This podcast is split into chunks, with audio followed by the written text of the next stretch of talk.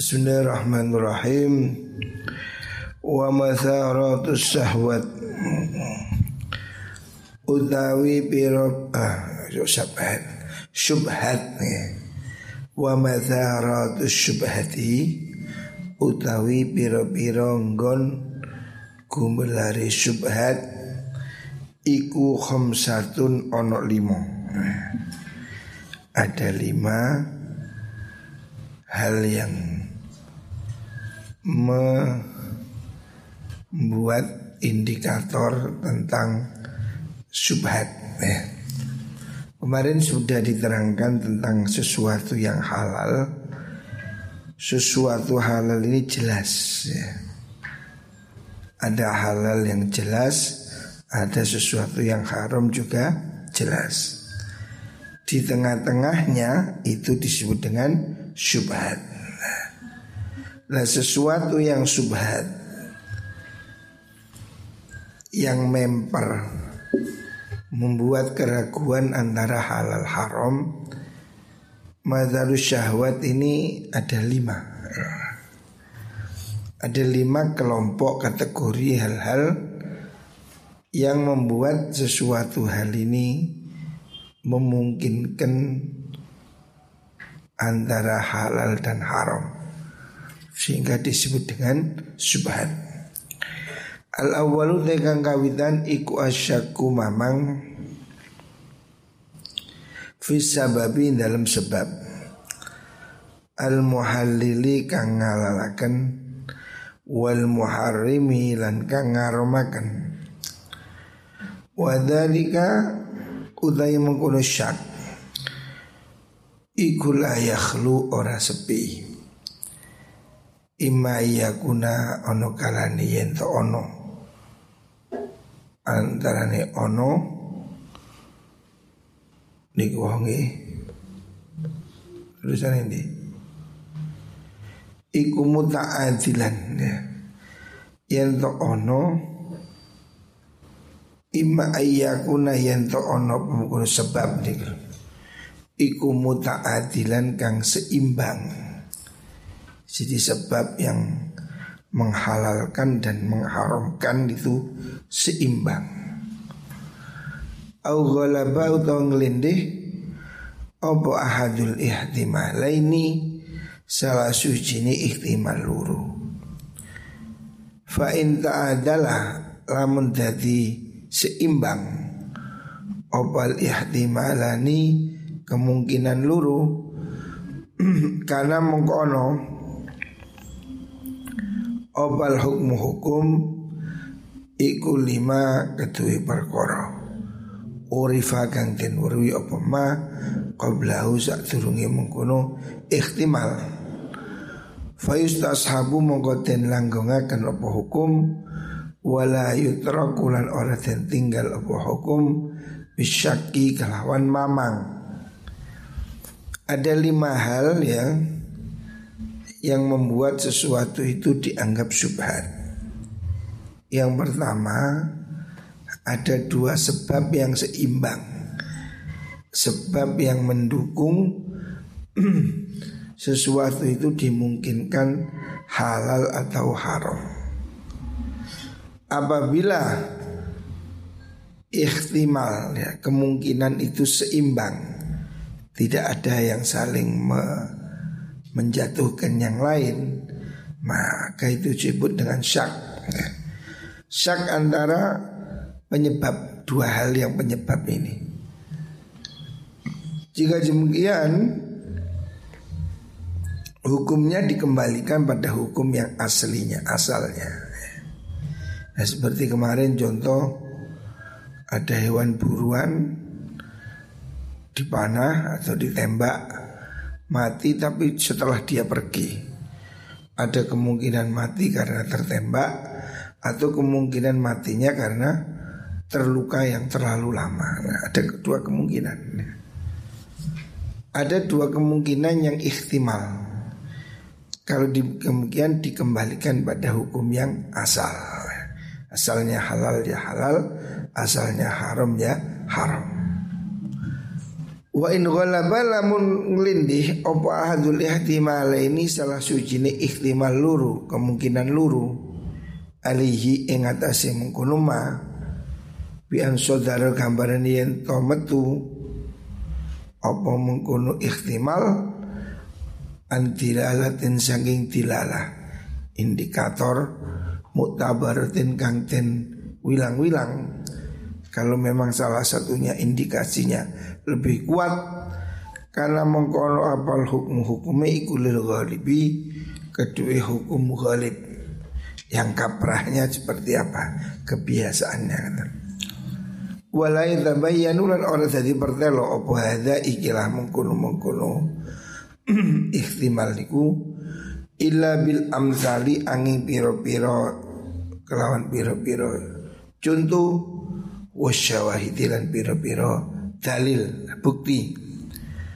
Fal naksimhu mongko becik bagi kita hu ing ing kuno ihtimal. Ila aksamin maring piro-piro bagian arbaatin kang papat. Jadi Imam Ghazali Imam Ghazali membagi ikhtimal yang pertama ya dari lima kemungkinan ihtimal syubhat. Syubhat ya. Ketidakjelasan Antara halal dan haram Itu dari lima segi. Segi yang pertama apabila Penyebabnya itu tidak jelas antara dua kemungkinan. Apabila dua kemungkinan itu berimbang itu disebut dengan syak maka dikembalikan pada hukum asal. Tapi kalau dua kemungkinan salah satunya lebih kuat maka diikutkan pada kemungkinan yang terkuat apabila ada indikatornya. Ya. maksudnya ini subhat. Jadi subhat itu bisa 50-50 antara halal haram. Ada yang seimbang kanan atau lebih berat kanan, lebih berat ke kiri. Indikasinya itu. Kemarin kan disebutkan syubhat itu apabila tidak ada indikasi. Subhat ya. Air asalnya suci. Di sampingnya ada anjing apa lidahnya basah.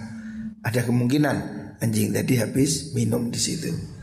Tapi ada kemungkinan juga tidak. Nah ini kan 50-50. Kemungkinannya 50-50. Karena tidak ada indikator. Tapi kalau ada indikator lain apa? Di situ oh anjing itu tubuhnya penuh air padahal tidak ada air selain ember itu. Nah itu ada indikator. Kalau tidak ada indikator artinya ada dua kemungkinan maka itu dikembalikan pada hukum asal. Asalnya suci, suci. Asalnya najis, najis. Di sini Imam Ghazali akan membagi pada empat apa, kelompok. Ya. Al-qismul awal te bagian kang kawitan ikwa yakuna ono opat tahrimu ngaromaken iku makluman dan werwi min dalam sak durunge mengkono perkara Maksudnya sebelumnya sudah diketahui keharamannya. Summa yaqaunu litumkumeko wasyakku mamang fil muhallili dalam perkara kang ngalalaken. Bagian yang pertama contoh itu sudah memang jelas haram tapi diragukan sesuatu yang menghalalkan. Kalau seperti ini fahadi mongko utawi ikilah mengkono mengkono niku wau. Syubhat. Iku syubhatun syubhat. Yajib kang wajib. Opo ijtina banget tohi mengkono syubhat. Wa yahrumulan haram opal ikdamu ngajoni nglakoni aliha ing atase mengkono syubhat.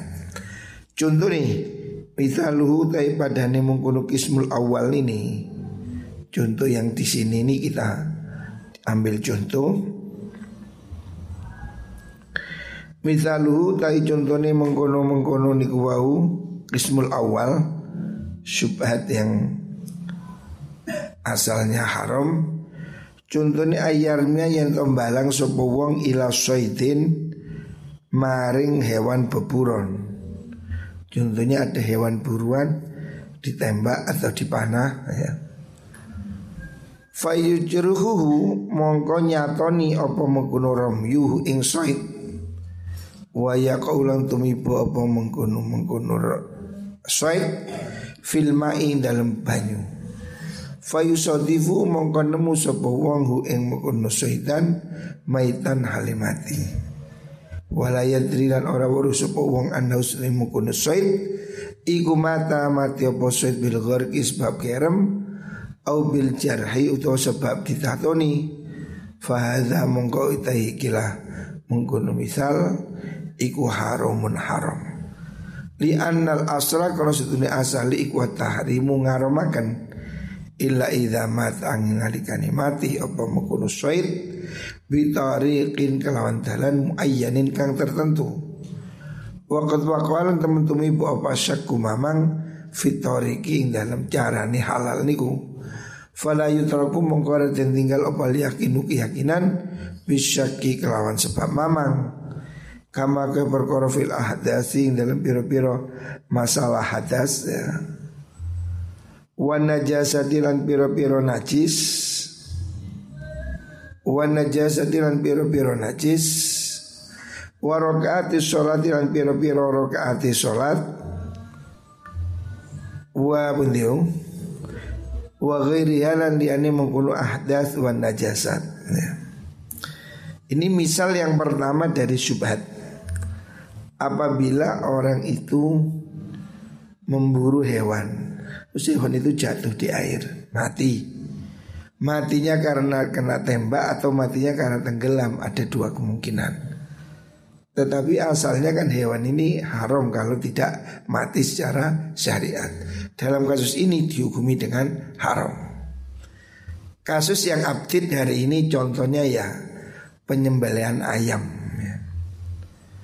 Ayam-ayam itu di mana? Di penyembelihan yang tidak memenuhi syarat.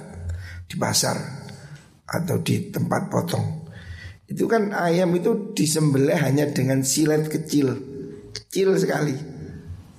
Sehingga tidak sampai putus otot kanan kirinya. Tis tis tis gimana gini ada yang pakai kitiran jadi ayam ini digantung digantung kakinya terus lehernya ke bawah gini terus melewati kitiran kitiran silet itu jadi ayam itu cuma kena kipasan silet apa namanya seperti kipas lehernya tis tidak sampai memotong tapi setelah itu kan ini langsung masuk ke air panas, langsung ke mesin, mesin mati sudah keluar. Nah ini kan ada dua kemungkinan. Matinya apa karena sembelihan ini atau karena dicemplungkan air panas itu. Di pasar tradisional juga katanya begitu. Orang yang beli ayam itu tidak pakai pisau, dia pakai silet, serit, serit, serit. Jadi cuma sedikit sekali yang dipotong hanya cuma ngeluarin darah. Tapi jalur makan, jalur nyawanya tidak potong, tidak. Kan harusnya motong ayam itu kan harus mengenai tempat makanan, tempat nyawa, ya. Ini kan ada dua otot besar di sebelah. Sembelihan yang tidak memenuhi syarat itu. Ini banyak terjadi ya. Kamu lihat di ya contoh ya ayam-ayam potong itu. Itu kadang nyembelihnya itu sedikit sekali hampir tidak cuma seperti luka lecet sedikit nih lehernya sedikit kan itu kan cepet-cepetan sedikit, sedikit, nyembelihnya hanya kayak semacam silet itu. Setelah itu saya cemplungkan air panas setelah itu langsung dibubut ya mesti mati. Tidak usah dilukai cemplung banyu ya mati. Ya, ayam potong. Lah contoh seperti ini nah ini kan ada dua kemungkinan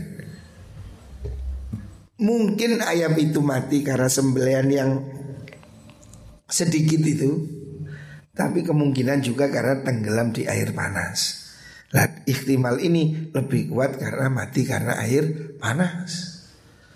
Ini kan ada dua kemungkinan. Kalau matinya karena disembelih ini halal, tapi kalau matinya kali air panas itu haram. Ada kontradiksi dua. Nah, dalam kasus seperti ini asalnya kan haram. Sembelihan yang tidak memenuhi syarat itu haram. Maka pada contoh seperti itu menjadi haram. Jadi kita ini mesti ya hati-hati. Sembelihan ayam ini tidak semuanya benar. Kalau yang di kampung-kampung mungkin yang jual santri itu Sembelihannya pakai pisau ya tajam. Tapi di pasar itu banyak sekali ya. Contoh sembelihannya itu yang tidak memenuhi syarat Konon itu yang disembelih dengan mesin. Jadi luka pada lehernya itu kecil sekali. Hanya melukai sedikit gitu aja. Tidak sampai menganga gitu. Lah itu kan tidak memenuhi syarat dalam penyembelihan. Tapi hewan itu ya pasti mati karena apa? Oh, setelah itu cemplungkan ke air terus langsung mesin dan pemutus ya selesai. Nah itu contoh keraguan yang di situ keharumannya lebih kuat ya. Wala hadza lan ngasih kila misal Yunzalu dan turuhakan dan menggunakan apa qalu dawi Rasulullah sallallahu alaihi wasallam. Li Adi bin Hatim maring Kiai Adi bin Hatim. La takulhu rupane dawuh la takulhu ojo mangan sirahu ing soid fala allahu menawa-menawa soid iku qatalahu mateni ing saud soid apa ghairu kalbika sakliyane asusiro Adi bin Hatim ini contoh seorang sahabat yang berburu dengan anjing. Nah, kemudian ada buruan yang lepas. Tidak diketahui matinya karena terkam atau matinya karena kecapean. Nah, di situ Nabi mengatakan jangan dimakan.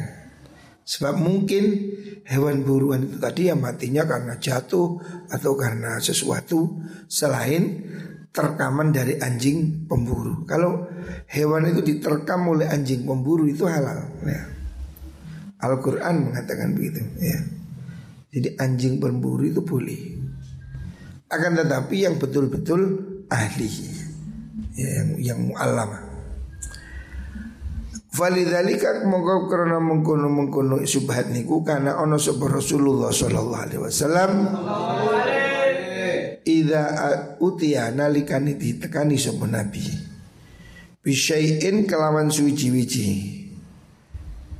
Istabah kang subhat Serupa apa syai' eh. Alaihi ingat asik kanjeng nabi Anna usni syai'iku sodakotun sodakah Au hadiyatun utau hadiah. Sa'ala mongko takon sapa kanjeng nabi Takon anhu saking mengkunu syai' Kanjeng Nabi itu kalau dikirimi orang Itu kan ada dua kemungkinan Itu sodakoh atau hadiah. Nabi tidak makan sodakoh Sodakoh artinya zakat ya Sodakoh wajib Kanjeng Nabi tidak mau makan dari zakat Tetapi kanjeng Nabi mau kalau itu hadiah Makanya kalau ada orang memberi Nabi tanya Ini sodakoh apa hadiah Kalau hadiah diterima. Kalau sodako diserahkan pada baitul mal. Hatta ya lama sehingga ngawuri sapa kanjeng Nabi ayyahuma ing endin dine karuni sodako au hadiah huwa ya mengkono syai.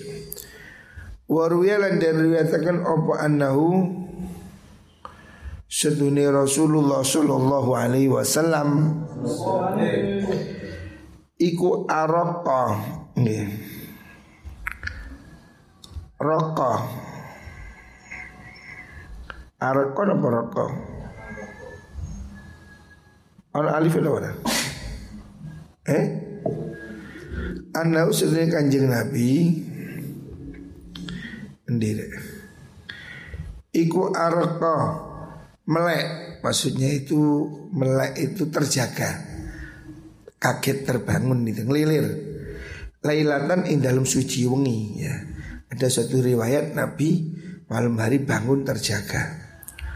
Fakola mengkodawu lahu maring Nabi Sopo ba'du nisaihi sebagiannya piro-piro garwoni kanjeng Nabi Ya Rasulullah Arakta ngelilir panjenengan Nopo ngelilir Jadi malam hari tidur tiba-tiba terjaga Istrinya tanya, kenapa? Kala dawu kencing Nabi. Ajal, iyo. Ya saya ini terbangun. Wajah tu nemu ingsun tamrotan ing kurma. Fakhasitu mongko wedi ingsun.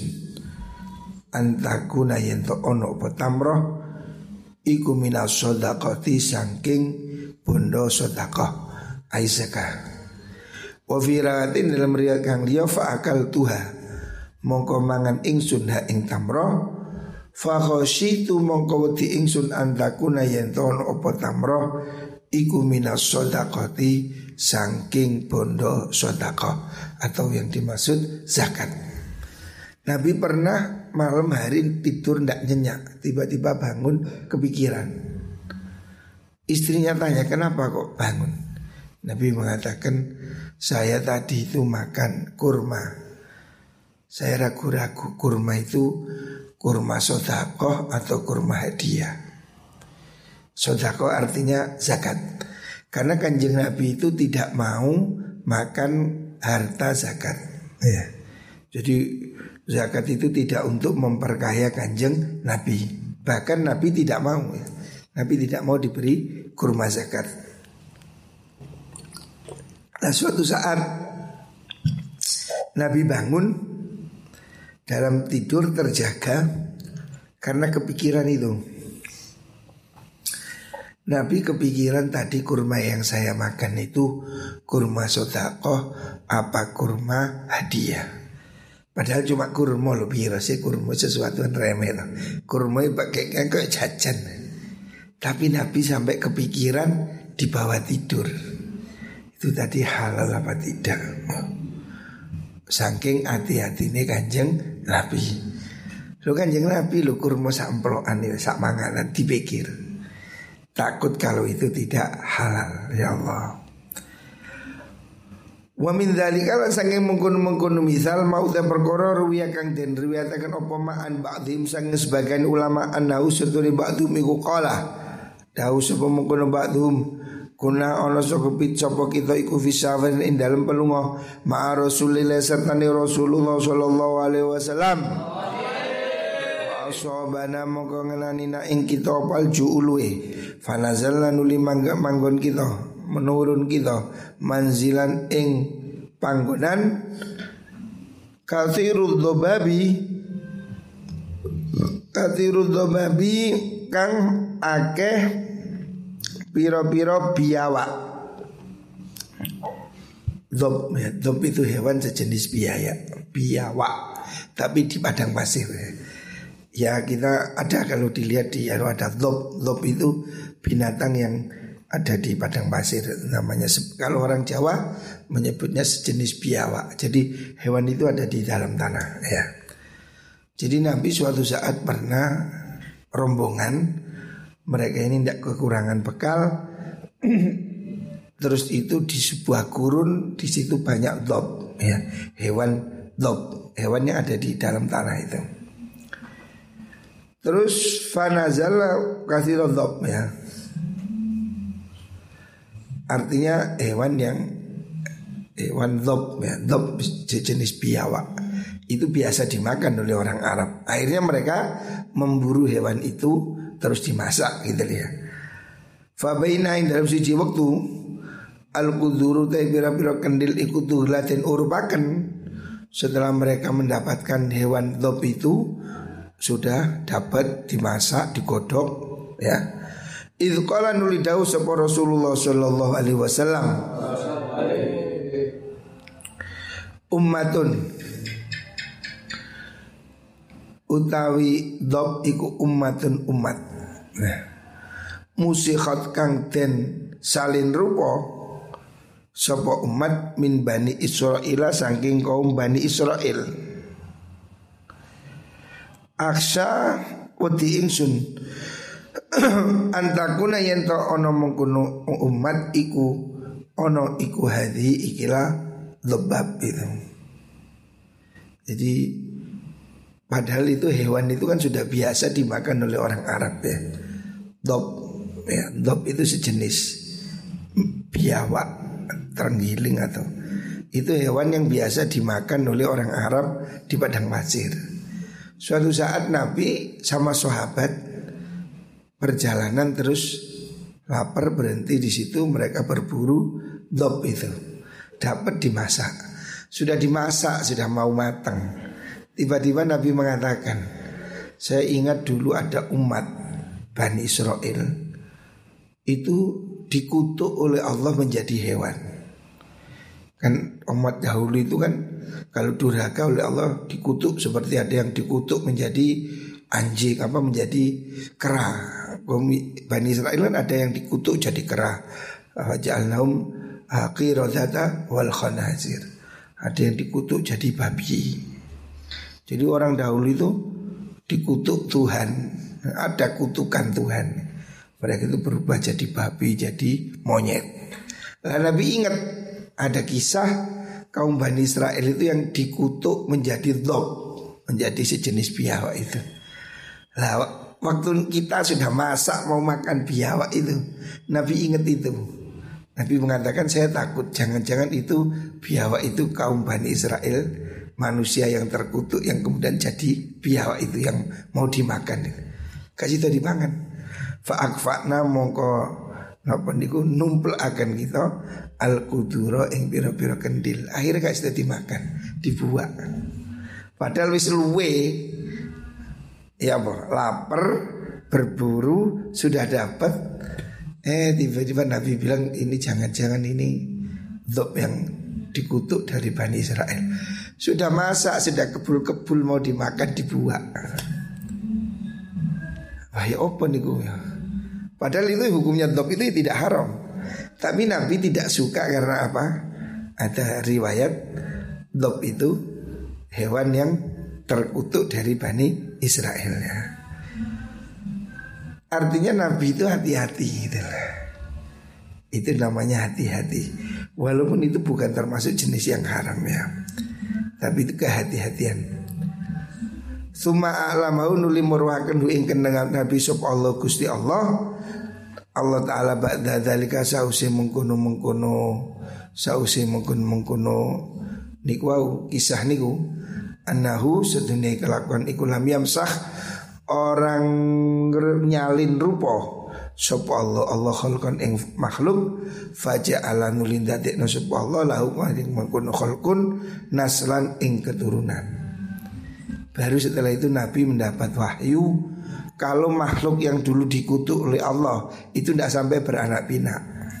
Jadi memang waktu itu ada orang durhaka dikutuk jadi dob. Tapi ya sudah jadi dob terus mati. Tidak sampai beranak jadi dob dob dob tidak. Ya sama dengan dikutuk jadi babi ya babi saat itu tidak terus beranak-anak babi. Itu kan hukuman. Jadi dikutuk seperti cerita Jawa ada dikutuk menjadi batu. Nah, gitu. Maling kundang nah, gitu.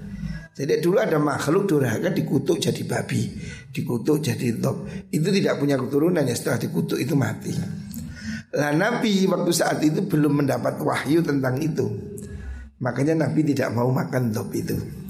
Setelah Nabi tahu bahwa top yang Bani Israel itu tidak beranak pinak, maka kemudian ya dimakan. Wa kanalan ono opo imtina'u oleh nyegai kanjeng Nabi awalan in dalam kawitane Ikuli anal asla kerjune hukum asal fil asyai dalam piro-piro suci-wici iku adamul khilli ora halal. Ya. Jadi ini pada contoh ini Nabi kan masih ragu-ragu. Maka Nabi tidak mau makan. Sebab hukum asalnya itu kan tidak halal. Wasak kalan mamang Sopo kanjeng Nabi fi kaunid dzabhi ing dalem anane mengkono nyebleh iku muhallilan ngahal ngalalaken. Jadi maksudnya ada sesuatu yang tidak jelas antara halal haramnya. Kemudian Nabi memilih yang haram. Ya dalam kasus ini contoh binatang dop itu. Dop itu tidak haram. Tapi karena Nabi pernah ingat itu hewan yang dikutuk dari Bani Israel Nabi nggak makan Sampai kemudian ada penjelasan dari Allah Bahwa dob yang ada ini bukan dob yang keturunan dari Bani Israel Nah, kemudian setelah itu sahabat juga makan.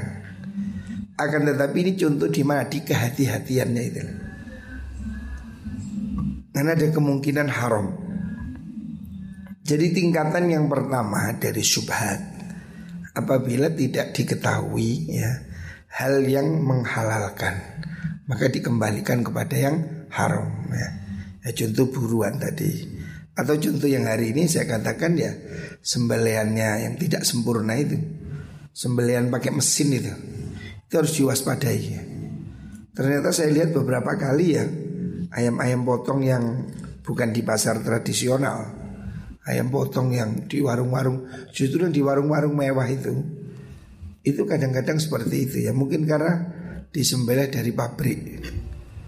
Sembeliannya tidak tajam Hanya sedikit melukai. Jadi kalau dibuka lehernya itu Hanya ada luka sedikit Tidak sampai melewah begini. Padahal harusnya nyembelih itu kan harus Jalan nyawanya, jalan makan, jalan rohnya Terpotong lah hewan ini pasti mati karena setelah dari situ kan masuk ke air panas mati. Nah contoh di sini menjadi haram karena apa? Kemungkinan mati di sembelih itu kecil karena lukanya kecil. Tapi kemungkinan mati karena tenggelam di air panas itu lebih tinggi. Nah pada contoh ini kan subhat. Cenderung itu disebut dengan haram ya. Apabila tidak jelas yang menghalalkan maka diambil kesimpulan yang haram.